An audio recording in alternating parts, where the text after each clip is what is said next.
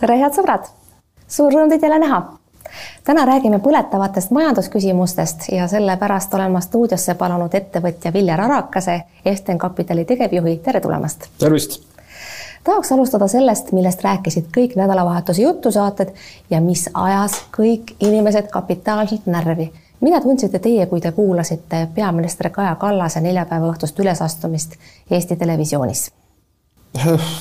Mida ma tundsin, ma täpselt isegi seda ei mäleta, aga tõsi ta on, et kui äh, peaminister tuleb äh, viis minutit ennem erakorralise teatega, ennem äh, päeva kõige tähtsamat uudistesaadet ja ja ütleb inimestele, et ei ole põhjust muretseda, on ju, siis selgelt mingi osa ühiskonnast hakkab kohe muretsema, eks. et. Äh, mina küll hakkasin. Äh, noh, tegelikult ma olen ise Tallinna Polütehnikumi lõpetanud ja peaksin nagu elektrifitseerimisest, elektrivõrkudest ja energia tootmisest teadma nagu rohkem kui tavaline inimene, siis ma pean tunnistama, et kogu see sünkroniseerimisteema on äh, raske, on nagu nii-öelda vajab vähe süvenemist ka minult endalt, et selline risk on olemas, me oleme kõik seda teadnud ma sain aru, et selle pöördumise vist äh, äh, nii-öelda põhipõhjus oli see, et see risk on täna suurem kui kunagi varem. aga noh, eks ta siis selles juures tekibki see küsimus, et mis ma nüüd siis ise sellega teha saan, on ju. no paljud inimesed tormasid tikke ostma taskulampe, mida teie tegite, mida teie ostsite? ei, isegi ma kuidagi elan äh, nii-öelda linnaruumis ja arvasin, et kui ka juhtub see, mis me loodame kõik, et ei juhtu, küll ma selle olukorraga kuidagi nagu hakkama saan, et ei, seda ma päris tegema ei hakanud, aga, aga eks muidugi see laiem kontekst on see, et erakorraliste teadaannete et inflatsiooni, kui niisugust majandusterminit kasutada, ei tohi lasta juhtuda, eks, et, et lõpuks, kui tõesti on mingi oluline teade ja kui siis see nii-öelda äh, kuhugi mattub, mattub mineviku kogemuste alla, kus on oodatud hingeärevuselt teab mis olulist teavet ja seda ei ole tulnud, siis, äh, siis võib-olla ei võeta seda sellise tõsidusega, nagu peaks, et ja ma arvan, et siin ei ole küsimus ainult tänases peaministris, vaid on olnud ka ju ennem selliseid juhuseid äh, rohkem kui korra meil kas te olete oma teise basseini kütmise juba lõpetanud või lõpetate siis, kui asi päris halvaks läheb? ei, kodus ei olegi basseini ja isegi esimest ei ole? isegi esimest ei ole, tõsi, et olen vist järelikult siis vist teises Eestis, et kellel seda esimest ka ei ole, eks.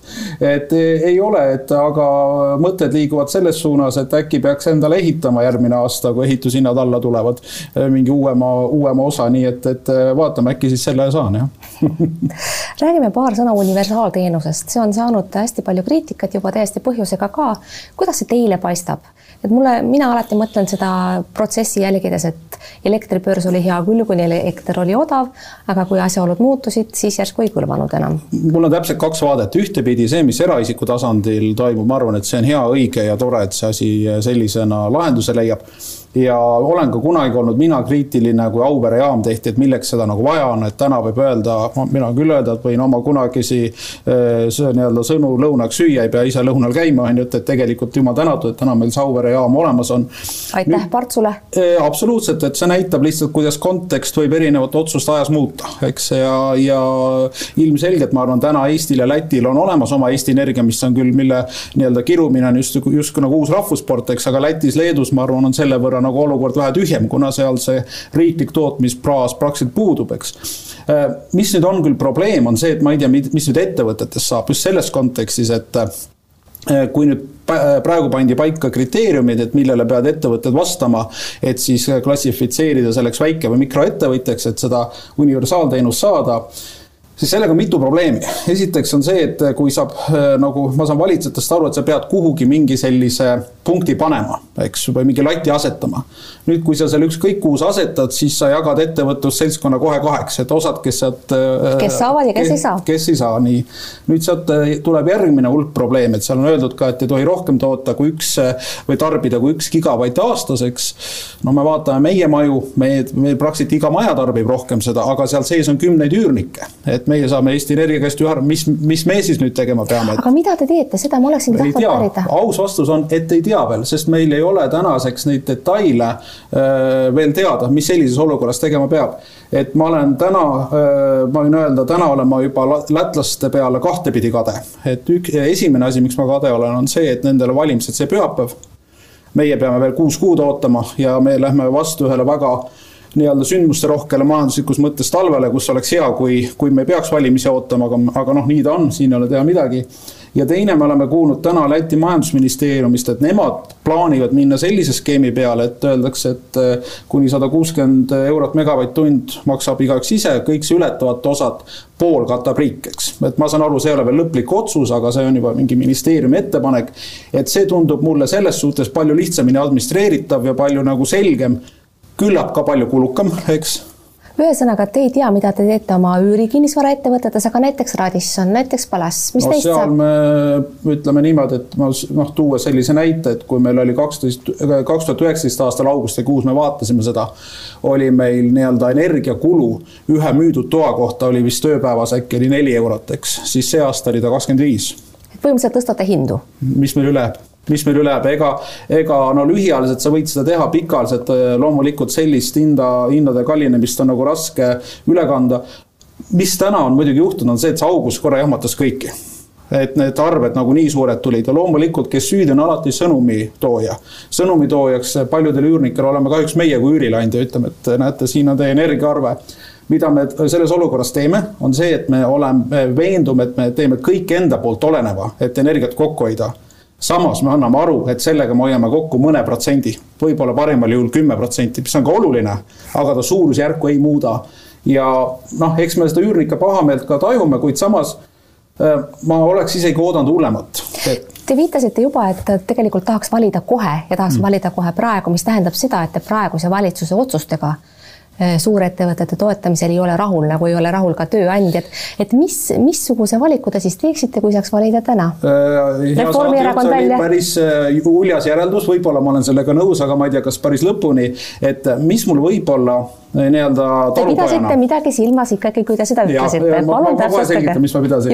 nii-öelda talupojana või siis nii-öelda talupoja tarkust omades ja unustades ära, et ma olen polütehnikumis käinud.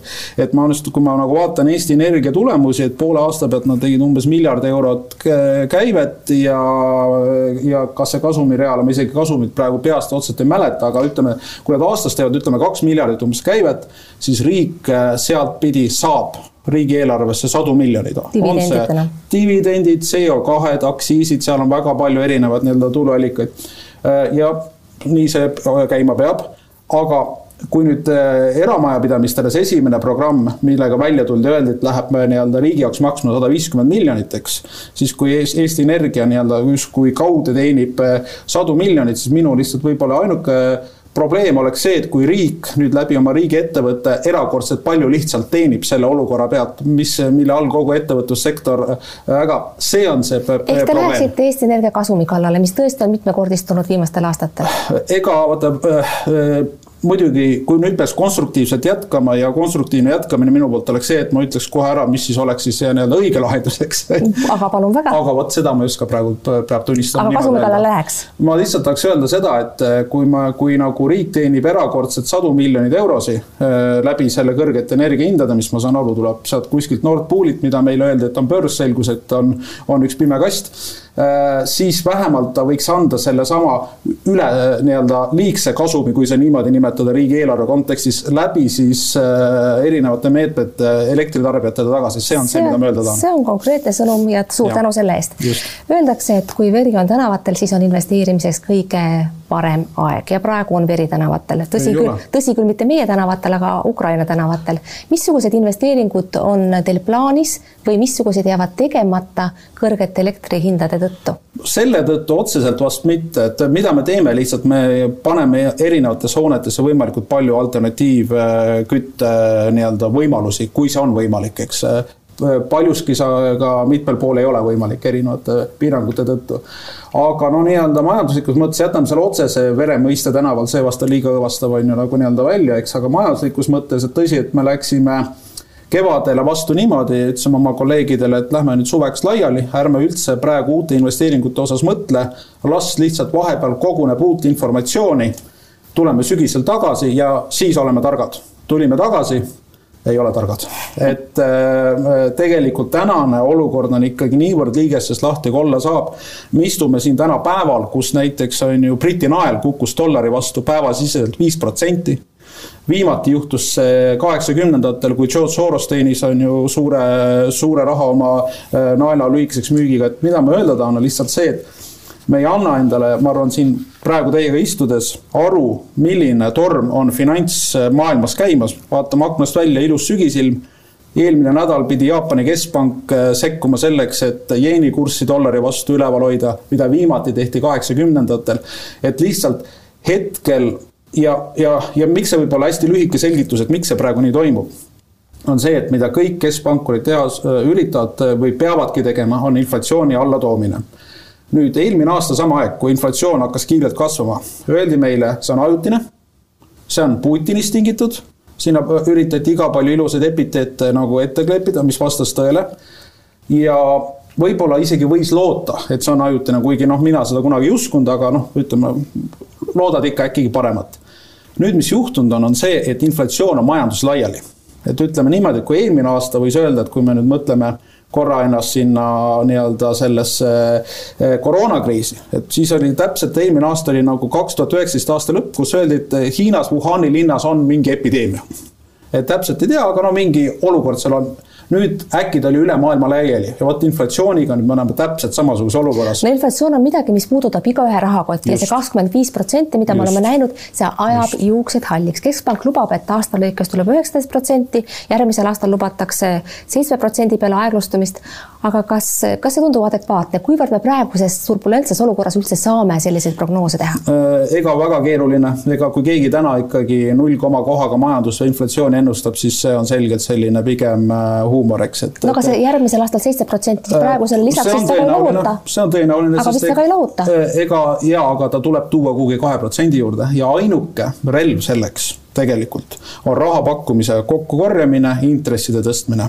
ja seda ka tehakse. seda ka tehakse. ja intressidega seoses tahaks pärida seda, et te olete öelnud, teie lükkaksite, kui te peaksite kodu ostma praegu selle umbes aasta võrra edasi ja tõepoolest Euribor tõuseb, me ei tea, kui kõrgeks ta tõuseb, ma mäletan, et kunagi ta on isegi olnud viie juures, no sinna on praegu veel pikk maa minna.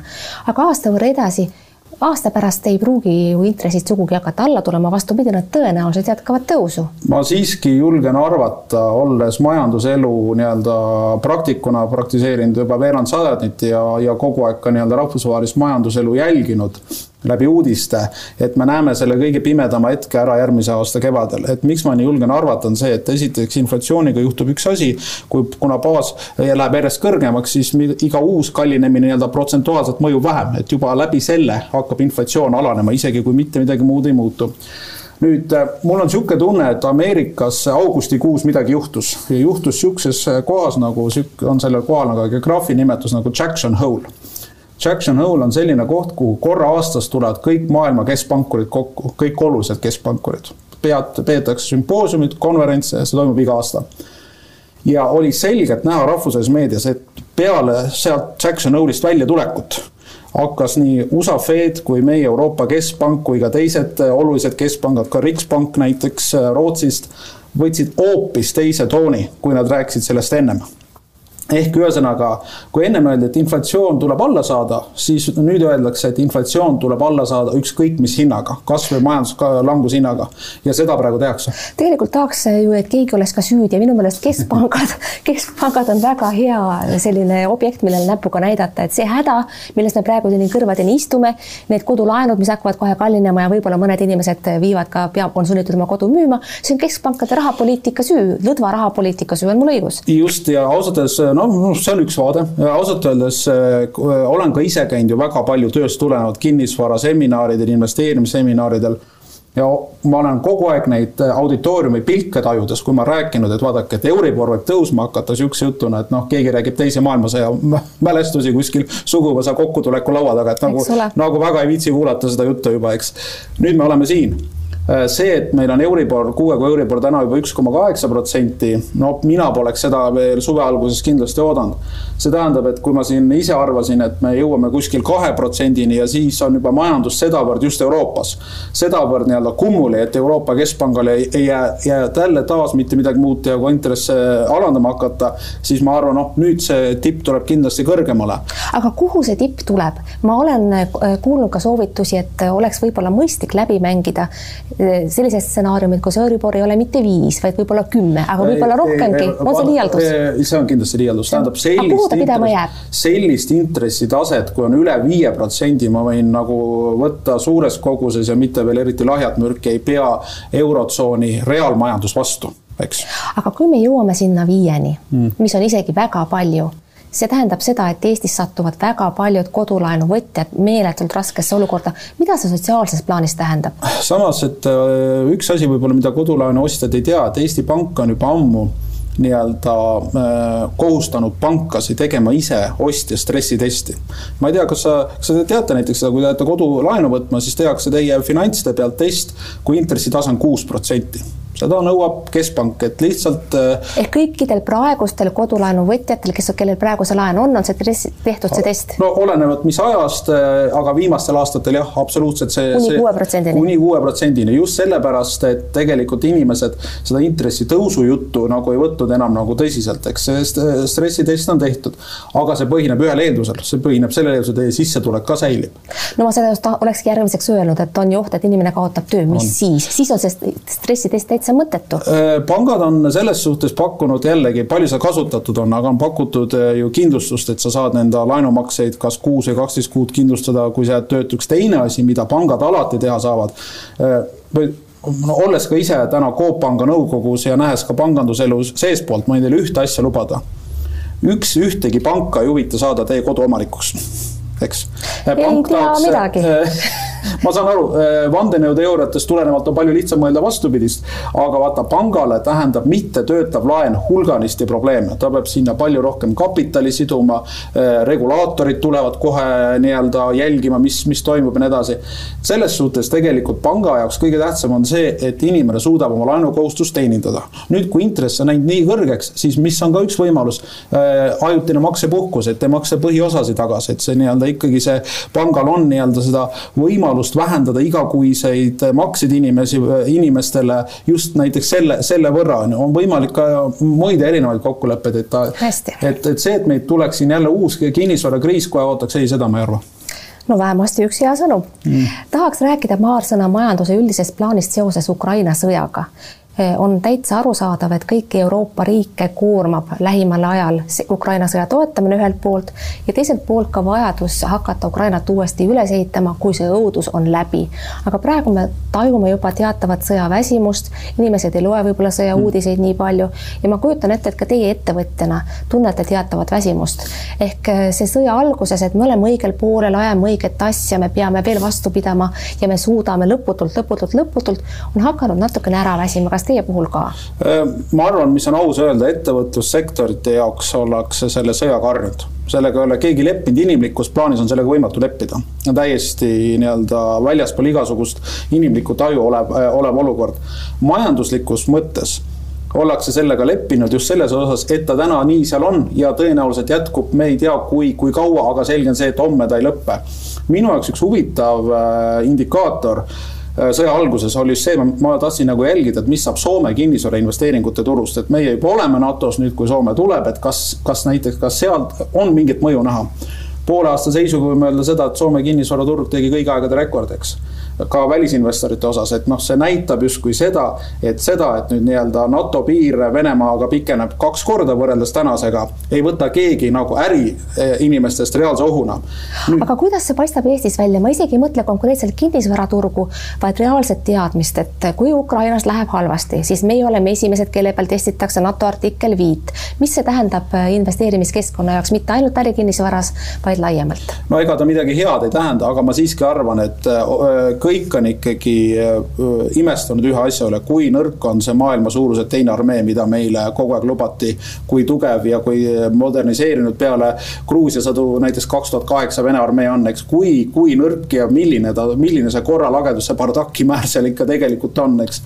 Ukraina sõda, meie sõda, me peame seda hinda maksma, meie maksame seda eurodes ja loomulikult siin äh, Vene piiri läheduses või Vene piiririik olles me ei pea seda selgitama, aga ma usun, et ega ideoloogilises plaanis on Ida-Euroopa ka nii-öelda Euroopa Liidu siseselt selle äh, äh, sõja võitnud ehk äh, ikkagi ka prantslased ja sakslased, loomulikult on seal ka palju vastuseisu, ma saan ja ajalooliselt tulenevalt nende ajalooline taju on erinev, nende kaugus Venemaast on erinev, seal on väga palju, kui minnes ka veel tagasi tsaaririiki, kui tihedalt siis veel läbi käidi. et aga, aga selgelt, et see, et Ukraina nii-öelda, Ukrainat tuleb toetada, ma usun, et see jääb nüüd üks teine küsimus, mida sai ka puudutatud, on see, et äh, tihti ma tunnen, et Ukraina osas ollakse ka liiga sinisilmsed, kui sõda lõpeb, siis äh, tuleb õnn äh, kohe nii-öelda majanduslikus mõttes põllul. see ei käi nii kiiresti. see ei käi nii kiiresti, ärme unusta, et ennem sõda oli Ukraina väga korrumpeerunud riik kindlasti Zelenskil andku jumal talle jõudu, tervist ja, ja kõike muud, on väga tugev mandaat Ukrainat päriselt pöörata võib-olla noh, eh, ja ma loodan, et ta selle ka ellu viib, aga nüüd eeldada, et Ukrainast eh, selle kriisi najal eh, või kriisi järel lõpeb see, millal see lõpeb, loodame, et võimalikult ruttu. see tuleb kiiresti arenev, demokraatlik ja õigusriiki korda austav majandus, noh, ma oleks vähe ettevaatlik, jah. Paar sõna veel värskest eelarveteost, mis, mille, mille miinus on ikkagi kergelt majas, aga siiski nii palju suur, et keskpank on juba mures. ja ma võib-olla ei hakkagi isegi seda keskpanga hinnangut tingimata arutama meil ei ole nii palju aega. küll aga tahaks pärida selle järele, missugune mõju võiks majanduskeskkonnale olla see nendest lahkesti laiali jagatud summadest. päästjad, politseinikud, õpetajad, okei okay,, politseinikud ei ole rahul, aga noh, reaalsed protsendid on ikkagi väga suured, mis mõju sellel on? eks kõigepealt jah, keskpanga osas, et ma arvan, nendel peaks juba seadus olema kirjutatud, nad peavad kogu aeg mures olema, eks on ju, et ja.... ma ei mäleta aega, millal nad ei oleks olnud. aga see on, see käibki nende töö juurde, selle kohta öeldakse äris ka alati seda, et pessimism, pessimist näeb alati äärmiselt tark välja, aga optimist on see, kes raha teenib. noh, hea, et me sellest et, rääkisime. et, et just, et kas see nüüd äh, siin sobiks tähendab. Äh, aga palgatõusud? Äh, selge see, kui õpetajate palk tõuseb veerandi võrra, siis kui küsida, kas õpetajad on selle palgatõusu ära teeninud, jah, see on, see on pikalt tegemata otsus, see nüüd täna tehti ära kaitsekulud on meil, mis kas, kas kaks koma seitse protsenti või lähenes. lähenevad kahe koma üheksale, kui ma õigesti mäletan tänases olukorras, kas keegi vaidlustaks seda? ei. Äh, päästjad, siseturvalisus, kõik see, kõik see on väga õige, loomulikult, kui ma seda koondina kokku vaatan, majandusinimesena tekib kohe see küsimus, et kuidas me selle kõik suudame kinni maksta see, et Eesti nüüd on loobunud või pidanud loobuma sellest tasakaalus eelarves printsiibist, äh, lihtsalt äh, ma arvan, see on hetkel vältimatu. see, see nii see, nii see hetkel peabki olema, sest, sest lihtsalt lükata täna, kui sul on riigis inflatsioon kakskümmend viis protsenti veel kõiki neid äh, palgatõuse nendele inimestele, keda me siin nimetasime just edasi, no on sisuliselt võimatu, eks. ilma kvaliteedist kaotamata, nii et selles suhtes see on nagu sundotsus. aga pigem suur mure on see, mis on tegelikult eurotsooni mure Äh, riikidele tehakse jätkuvalt raha laenamine väga odavaks erasektorile kalliks, see on see, kuidas siis surutakse nii-öelda Euroopas inflatsiooni alla. aga see tähendab seda, et meie majandus järjest enam EAS-istub, et järjest enam tehakse mingeid programme, mis kellelegi sobib ja kellelegi ei sobi. et selles suhtes äh, turumajanduslikust keskkonnast järjest enam võetakse sõna turg välja, asendatakse sõnaga riik. olen tõepoolest seda ka ise märganud, et riigiusk järjest süveneb ja turumajanduse suhtes valitseb skepsis. ja see on väga halb, see on ühemõtteliselt väga halb Viljar Arakas, lõpetuseks mm., me viitasime juba alguses äh, kergelt poliitikale ja sellele, et te tahaksite kohe valima minna. aga noh, me teame, mida siis praegune valitsus teeb ja mida ta on otsustanud äh, valmis saada selle perioodi jooksul, mis talle on jäänud valimisteni. aga tuleb järgmine valitsus ja selle ees seisavad uued väljakutsed. missugused on need teie sõnastatud vaates? Ma ei julge öelda, ma tegelikult, äh, ma arvan, tänasel hetkel ka niimoodi inimese tasandilt on mõistlik võtta selline vaade, et homne päev ei ole tänasest parem majanduslikus mõttes. see ei tähenda, et peaks olema kohe määratud palju hullem, aga lihtsalt, et, et see elu ei pruugi minna kohe siia järjest siin nagu paremaks. see, milline on olukord meil järgmine kevad, äh, ma arvan, seda me ei, no mina küll ei julge praegu isegi ette ennustada. ja ainuke, kuidas me selleks ise valmistume, kuidas, kuidas minagi, et ma lihtsalt ei tee väga optimistlikke nii-öelda tuleviku ootustel põhinevaid investeeringuid, oste, midagi kasvõi reise osade inimeste äh, näitel, et lihtsalt tasub olla korra hetkel kartlik, eks. aga veel kord, seda ei, ta, ei tasu tunda hirmu, aga lihtsalt tasub olla korra äh, nii-öelda pessimistlik ja vaadata natuke seda nii-öelda tulevikku äh, nii-öelda vähe kartlikuma pilguga, kui näiteks see oli see aasta kevad Viljar Arakas, ma kutsusin teid selleks, et te tooksite häid sõnumeid ja te lõpetate nii pessimistlikul noodil. suur tänu igatahes ja ma soovin teile südamest edu esimese basseini ehitamisel.